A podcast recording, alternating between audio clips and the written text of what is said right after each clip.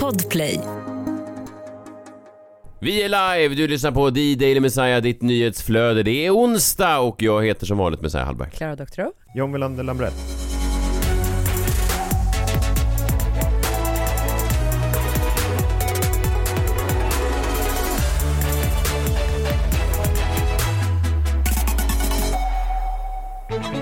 Jag säger ju det, det har nästan blivit lite som en paroll för mig att jag brukar äta då mina eh, torsdagspannkakor redan på onsdagen då, redan idag för att ligga ett steg före konkurrenterna.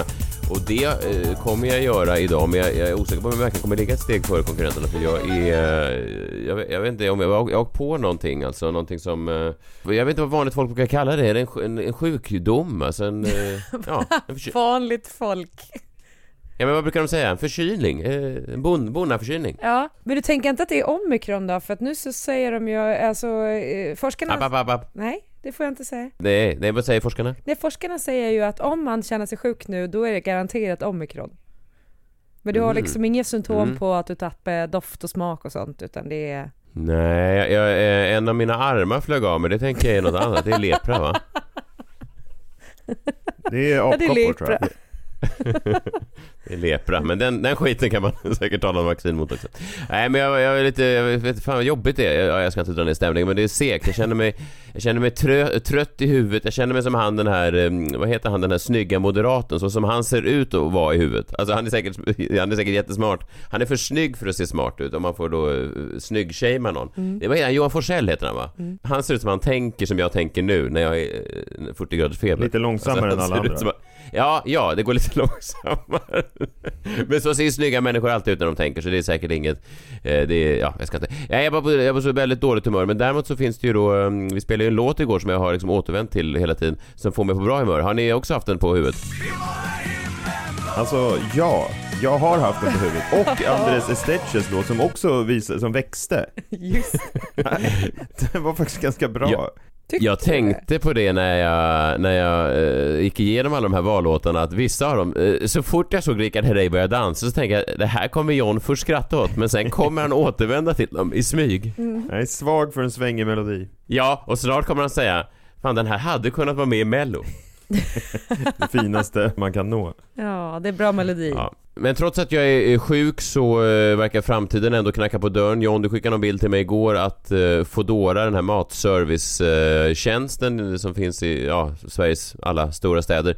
De har nu börjat köra runt med någonting som såg ut som, jag vet inte om du, om du skämtar med mig, du, det, såg ut som en robot som körde runt din thai-curry. Ja, det är ro- deras eh, robotleveranser. Men hur fan funkar det? Det finns en video, vi kanske kan lägga upp den på Instagram. Eh, det åker en sån där Foodora-robot, går över ett övergångsställe och då sitter en kille på cykel och tittar på den som om han har flugit 50 år in i framtiden. Och då tänkte jag, det där är Messiah. Ja, men vad fan, det är väl en naturlig reaktion på om man ser Alltså att folk svälter till döds och, och så vidare. Och sen i Sverige så har vi som små robotar som kör hem våra matvaror. Det är, jag förstår inte hur det funkar. Är det som ro, är det en rob, Men ett det handlar robotgräsklippare handlar som... det ju inte om att det, det är sjukt att det är liksom ett snedställt på planeten, att vissa har det sämre. Det är ju bara att du inte kan förstå själva tekniken. Ja, ja, ja, det kanske är mer det. Men, men, men är det då en, är det en robotgräsklippare som de har programmerat om? det, det robotgräsklipparen har fått en promotion. Ja, den som har verkligen levererat. Robotgräsklipparen har aldrig rullat med sån självkänsla i kroppen som Swagger. den rullar in mot stan. Ja, han lämnar de andra som Robotswagger. Ja, ja. Eh, och på tal om eh, framtiden och folk som eh, ligger ett steg före. Jag såg att TV4 nu har köpt en serie av Erik Haag som ska handla om paddel. Jag vet inte. Tryggt. eh, ja, alltså. Den har premiär dessutom då eh, långt fram i 2023. Ja, den är säkert jätterolig. Jag var, jag var lite orolig just för det där när man gör... Det är så svårt det där att försöka ta vara på trender. Alltså, alltså nu gör ju... Det finns ju... Jag berättade ju om honom förut, han som gjorde så här TikTok-sketcher om paddel. Jag har massa följare då, ha ha ha, kolla vad, så här kan man spela, är du en sån här spelare eller är du en sån här spelare? Det är ju en väldigt snabb process från en dum tanke till en dålig sketch. Det är ju liksom en snabbare process. Eh, Det här är ju då en mycket längre eh, båge från att Erik Haag ska sitta och När han är färdig med manuset så kommer ju paddel, det är ju redan typ dött. Jag var lite orolig. Jag vet, men man vet Att att, det här när blir han liksom, fick eh, idén så var kanske paddel helt nytt, men sen så Ja. tar ju sånt här tid. Jag är lite orolig bara att det kommer bli som när Galenskaparna After Shave 2010 gjorde comeback med, med revyn Hagmans konditori och då sa Claes Eriksson då, en av skaparna, ja det är en lättsam historia som tar avstamp i den här nya kaffekulturen. Nej. Va? Men var inte de alltid några steg efter? Eller var de någonsin Alltså rätt i tiden? Nej men de, nej, de, nej 80-talet var de, nog, eh, var de nog rätt i tiden men sen kommer de tillbaka då 30 år senare och då eh, sa han, ja, den här nya kaffekulturen som jag som bara dricker gammalt hedligt svart kaffe förundras över. Jag har blivit lite tagen över att det helt plötsligt är så besvärligt att få en vanlig kopp slät svart kaffe, säger Claes Eriksson som står för manus och regi. Jag är lite rädd att Erik Haag eh, liksom ger sig in på någon slags galenskap här för Ja, Björn Gustafsson ska vara med eh, och Arantxa Alvarez, så det blir nog, eh, det blir nog eh, jättekul. På TV4 är de, är de superpeppade. Det verkligen pirrar av förväntningar, säger Pjodor Gustafsson som är dramadirektör på TV4. Mm. Pirrar, gör det. Men de är ju inte heller kända för att ligga i framkant på TV4. Det har väl Va? inte ändrats... Vad falskt! Vad falskt! Nej, men... men har de ändrat tablån någon gång sedan 1994? Ja, de la till Masked Singer va? Ja, det är det kanske. Men annars är ju allting exakt nu... likadant. Ja, fast nu är René Nyberg tillbaka med ett intervjuprogram där hon intervjuar eh, kändisar som Tommy Körberg så det är ju nytt. är hon på en brygga? Nej, hon har, det är Renés teater som har vidareutvecklat konceptet. Wow. Det var för, det var för de, dåligt ja. väder på bryggan så nu flyttar de in. Nej men de ville väl kunna göra programmet året runt. Det är liksom René på en brygga sommarhalvåret och sen på vinterhalvåret så flyttar de in. Och dessutom så kan de, kan de då täppa till käften på sådana som dig som säger att de inte utvecklas. Vad säger du nu då? Ja, ja. Nej, I rest my case då.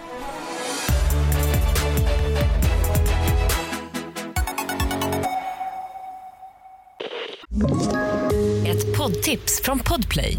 I fallen jag aldrig glömmer djupdyker Hasse Aro i arbetet bakom några av Sveriges mest uppseendeväckande brottsutredningar. Går vi in med hemlig telefonavlyssning och, och då upplever vi att vi får en total förändring av hans beteende. Vad är det som händer nu? Vem är det som läcker? Och så säger han att jag är kriminell, jag har varit kriminell i hela mitt liv men att mörda ett barn, där går min gräns. Nya säsongen av Fallen jag aldrig glömmer på Podplay.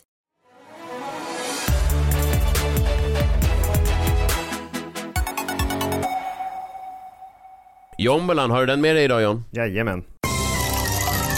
Kom närmre, kom närmre, var inte rädda. Allt kan hända, allt är möjligt när vi spelar på vår jombola.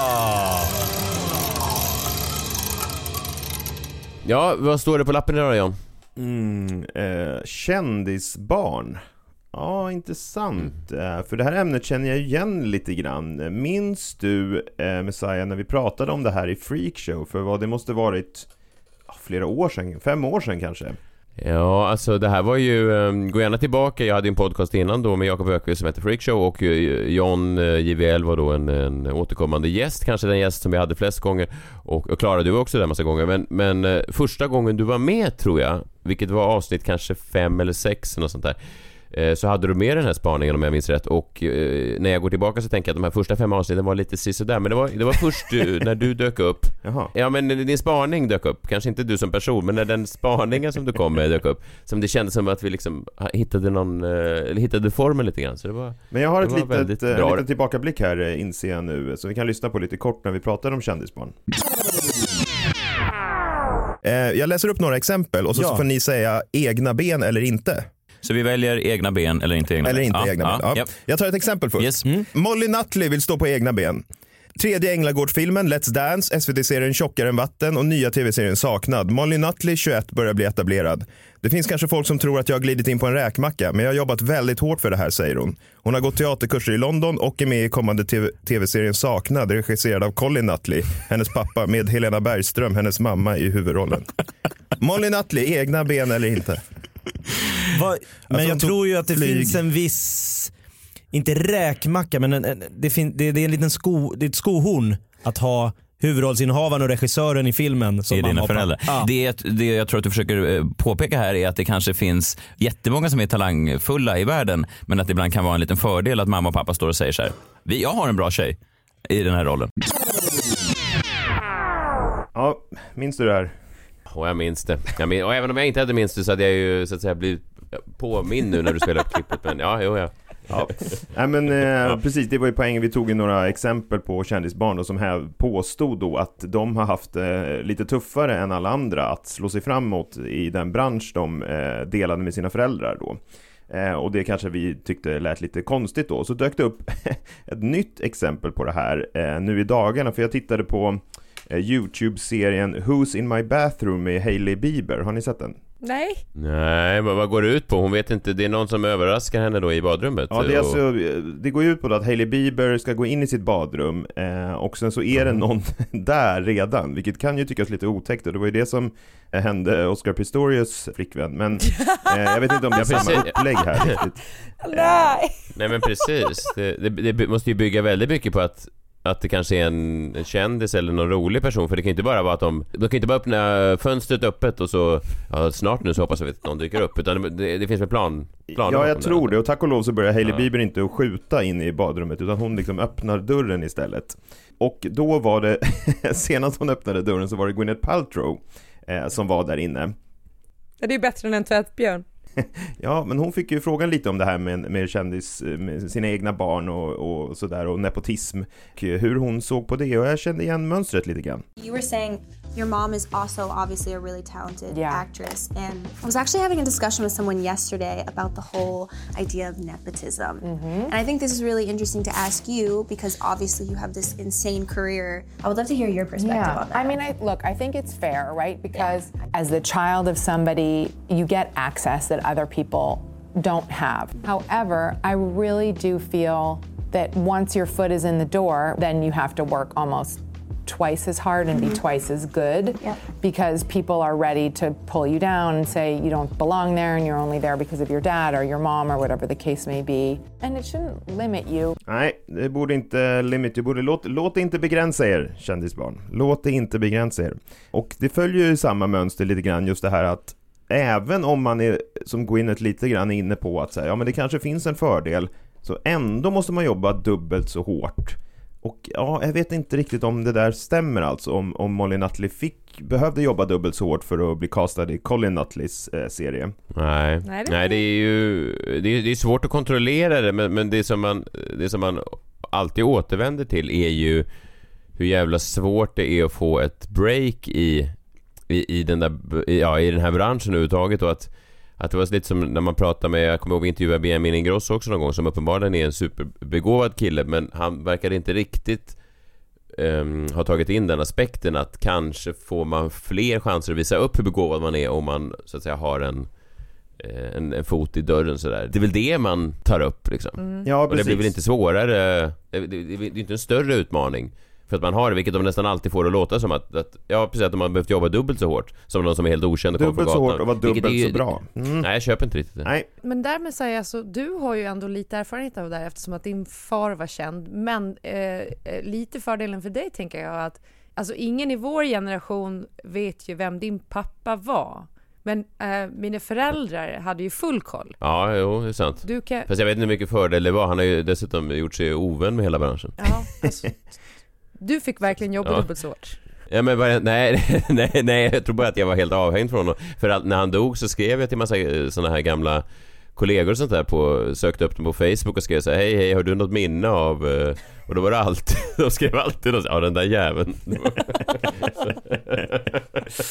Ja. Så jag, jag vet inte om jag är, jag vet inte om jag är Molly Nutley i liksom stand-up form. du kanske hade det tuffare på riktigt då. Ja, Men om du hade blivit castad i Nisse Hallbergs senaste film så kanske eh, det hade gällt. Jag vet inte. Jag pratade med någon filmproducent någon gång som, um, som ville göra en av min, min pappas mest folkliga roller var en, eh, ja, en detektiv, kriminalserie där han spelade, hade han eh, deckarbyrå liksom, han var en assistent på en detektivbyrå och att de skulle återliva den filmfranchisen och då casta mig i min pappas roll. Den dagen den filmen har premiär, då kan jag, då, då kommer jag inte så säga att jag har jobbat dubbelt så hårt. kan.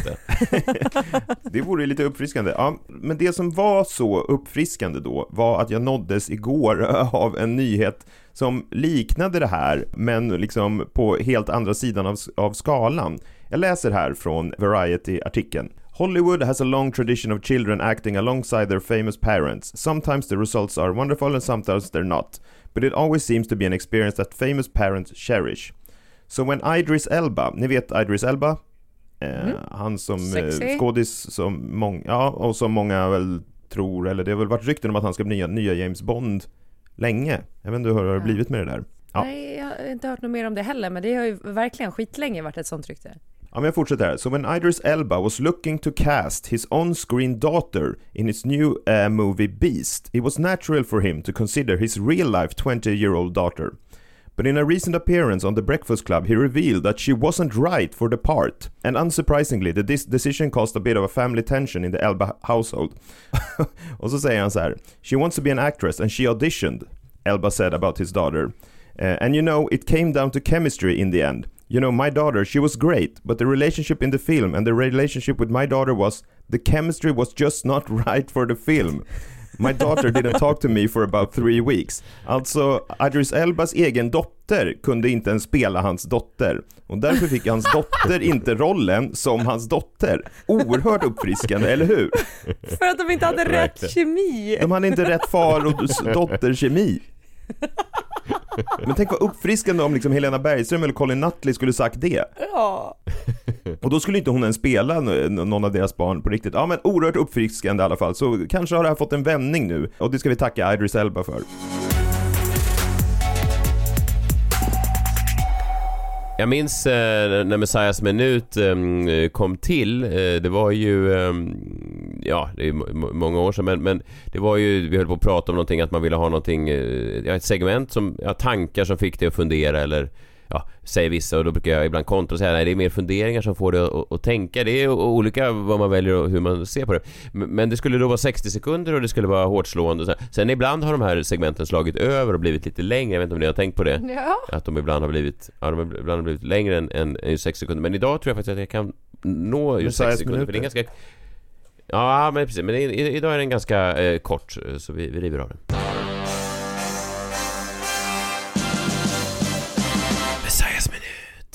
Jo, jag tänkte återvända till Chicago. Jag glömde ta upp det här eh, och Klara, du har inte hört det här men vi, vi, jag och John var ju i Chicago där strax efter midsommar. Jag tror vi åkte på midsommardagen. Väldigt trevlig stad. Oväntat trevligt. Jag hade sett framför mig Detroit tror jag. Jag hade sett framför mig kanske Pittsburgh. Alltså den typen av Mm, du föll hårt för den. Ja, men jag följer kanske hårdare för den än vad du gjorde också för att, för att du, mm, jag kommer ju ofta tillbaka från mina löprundor längs vattnet och då frågar du mig alltid när du tog bort de där såppropparna och ögonmasken sa du Va, varför är du så blöt? Har det regnat? Jag sa, nej, jag har varit ute och sprungit. Och det var samma sak fyra, fyra dagar i rad. Du förstod aldrig riktigt liksom, vad som hände där. Det kändes som att du levde ett helt liv medan jag sov. En gång hade jag en pitch eh, samtidigt som John låg och sov i bakgrunden så jag fick liksom rikta webbkameran lite bort från, från den sovande mannen. Ja. Strunt samma. I alla fall, eh, första kvällen ut, vi pratar ju ofta om det här om amerikaner som kommer fram och eh, eh, tar tag i en och vill liksom bli eh, vänner och befriend you. Och eh, en, det var en underbar man som kom fram till oss eh, första, första kvällen i Chicago. Eh, han kommer fram, lägger armen om oss båda och säger Hey guys, I'm Jason, sträcker fram handen till mig och John. Eh, och John säger Yeah, um, um, hi. Och så frågar Jason What's your name? Och John säger I'm John. Och Jason börjar då bokstavera Johns namn. Yeah, right. Y-U-H-N, right? June. Han sa det också med sånt jäkla självförtroende att jag kunde inte annat än att säga Yes, that's correct. Yeah. Yeah, Y-U-H-N, right? Och John bara yeah, right. June. June and Messio. Ja, fan. Ja. Nej, det var, det, var bara, det, var bara, det var bara ett av mina livs bästa ögonblick att se Jason komma fram och med sån amerikansk självsäkerhet bokstavera ditt namn Ett av de vanligaste fel. namnen i USA får man också tillägga Ja, då. det är ju det är ju för fan ett, det är för fan ett engelskt namn. John, right? Y-U-H-N, right? Är det därför du gillar Chicago så mycket? På grund av Jason? Ja men det var, jävla, det var jävla starkt i alla fall. Så att, eh, ja det var Messiahs minut idag. Jag tog med till Chicago för att möta mannen i baren vid namn June.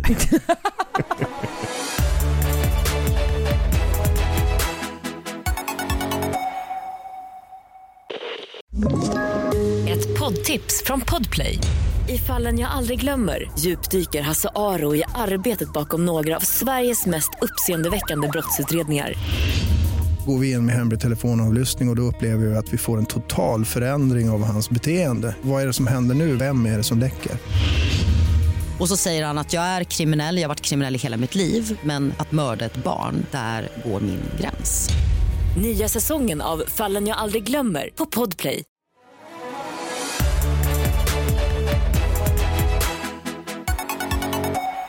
Klara Doktorov, har du skrivit ett öppet brev till någon? Jag har skrivit ett öppet brev och eh, idag så tänkte jag att eh, ni kommer få veta vem det här öppna brevet går till, fast liksom mot slutet. Så jag tänker att vi kör igång här bara. Okej. Mm. Ja, absolut. Eh, Ta, ta din lilla gåspenna och sätt igång. Det är något ändå att när den första höstvinden viner, när samhället känns mörkare, när marken under mig gungar smått som får mig att tänka tillbaka på min barndoms ljusglimtar. Kanske för att finna trygga inre rum. Som barn var min trygghet min farfar Erik som hämtade mig på förskolan och satt i sin fåtölj och rullade tummarna framför Rapport.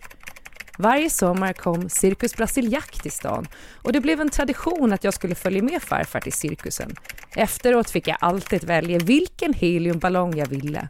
Det var, närma, det var närmast ett magiskt ögonblick för ett barn.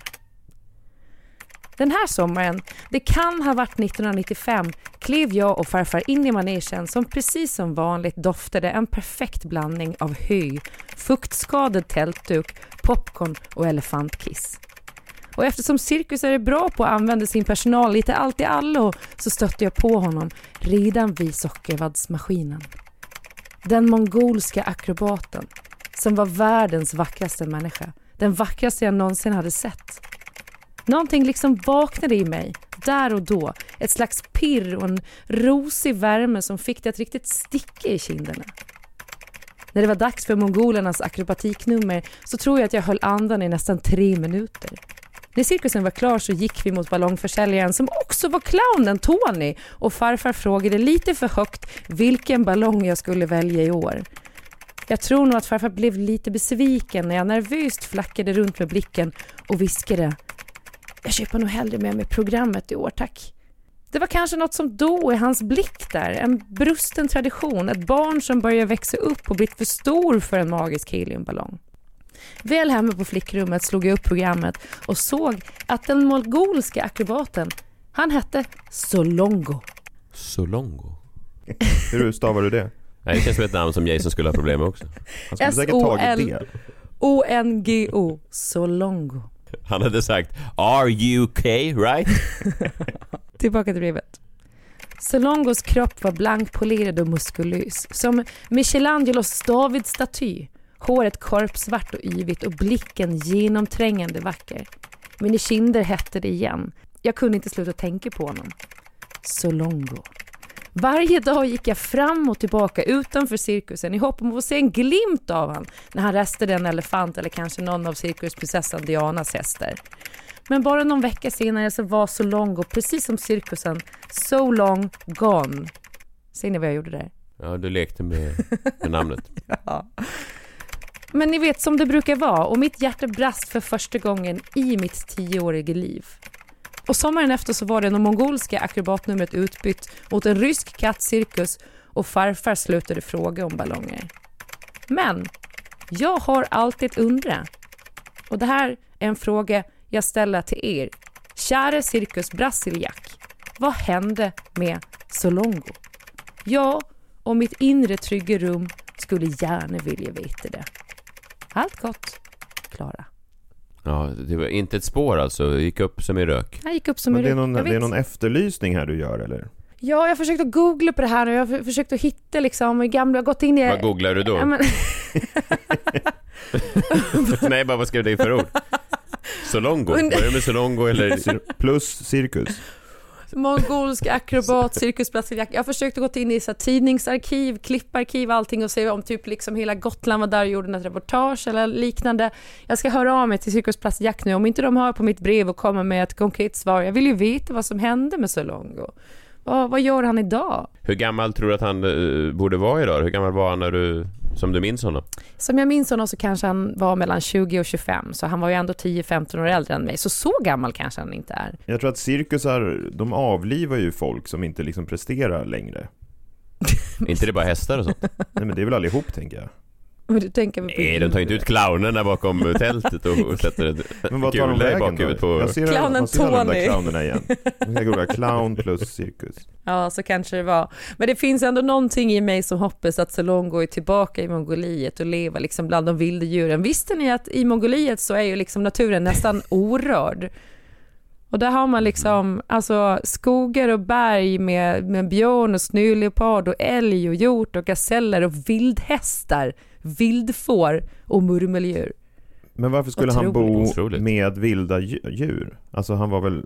Han har ju ändå liksom levt i cirkusen, då, då måste man väl vilja bo nära djuren, så tänker jag i alla fall. Fråga de här Bronett-bröderna kanske, de borde ju ha koll. Alltså även om det inte är deras cirkus. Jag har hört att det är en rätt liten bransch också, cirkusbranschen. Alla känner alla. Henry Bronett, vad hände med Solongo? ett, ett DM på Instagram till Henry Bronett. Henry, om du vet något om Solongo, hör av dig. Ja, men det här är inget skämt. Det är inget skämt. Nej, jag vet. Jag menar verkligen inte skämt. han är ju Förlåt. fastkedjad Förlåt. i Henry Bronetts källare eller någonting. Vi ska vara tydliga med att, att vi, förlåt Klara om det verkar som att jag skojade här om din eh, mongolska försvunna cirkusvän. Det var inte meningen. Verkligen inte. Kan inte TV4 köpa in det konceptet istället för paddel, eh, Erik Saag paddel? Alltså den försvunna mongolska- Renés mongol? Men det hade varit lite fräschare. cirkus. Renés cirkus. Hon, åker världen runt och letar reda på försvunna cirkusartister. ja, kan, ni bli, kan bli en ny sån Searching for Sugarman. Searching Ja! for Solongo. Re- René Nyberg i någon sån flyghangar i Mongoliet. So you said he was right here. He was right here. Renés flyghangar. Ja, det, det kanske kan vara något. Tommy Körberg är redan bokat för första episoden. De har flugit ner honom till Mongoliet för att få, få intervjua honom en tredje gång i år. Det är spännande tider eh, på TV4, det är spännande tider också här. Imorgon hoppas jag att jag mår bättre, då kanske vi ses igen eh, live in living color. Både jag och så Klara och så Jun förstås. Eh, vi hörs då. Ta hand om er Ja. och varandra. Hej! Hej! Hej.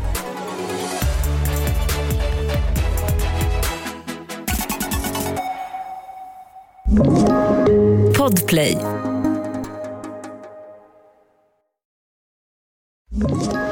Ett poddtips från Podplay. I podden Något Kaiko garanterar östgötarna Brutti och jag, Davva, dig en stor dos skratt. Där följer jag pladask för köttätandet igen. Man är lite som en jävla vampyr. Man har fått lite blodsmak och då måste man ha mer. Udda spaningar, fängslande anekdoter och en och annan arg rant. Jag måste ha mitt kaffe på morgonen för annars är jag ingen trevlig människa. Då är du ingen trevlig människa, punkt. Något Kaiko, hör du på Podplay. Därför är gardinerna.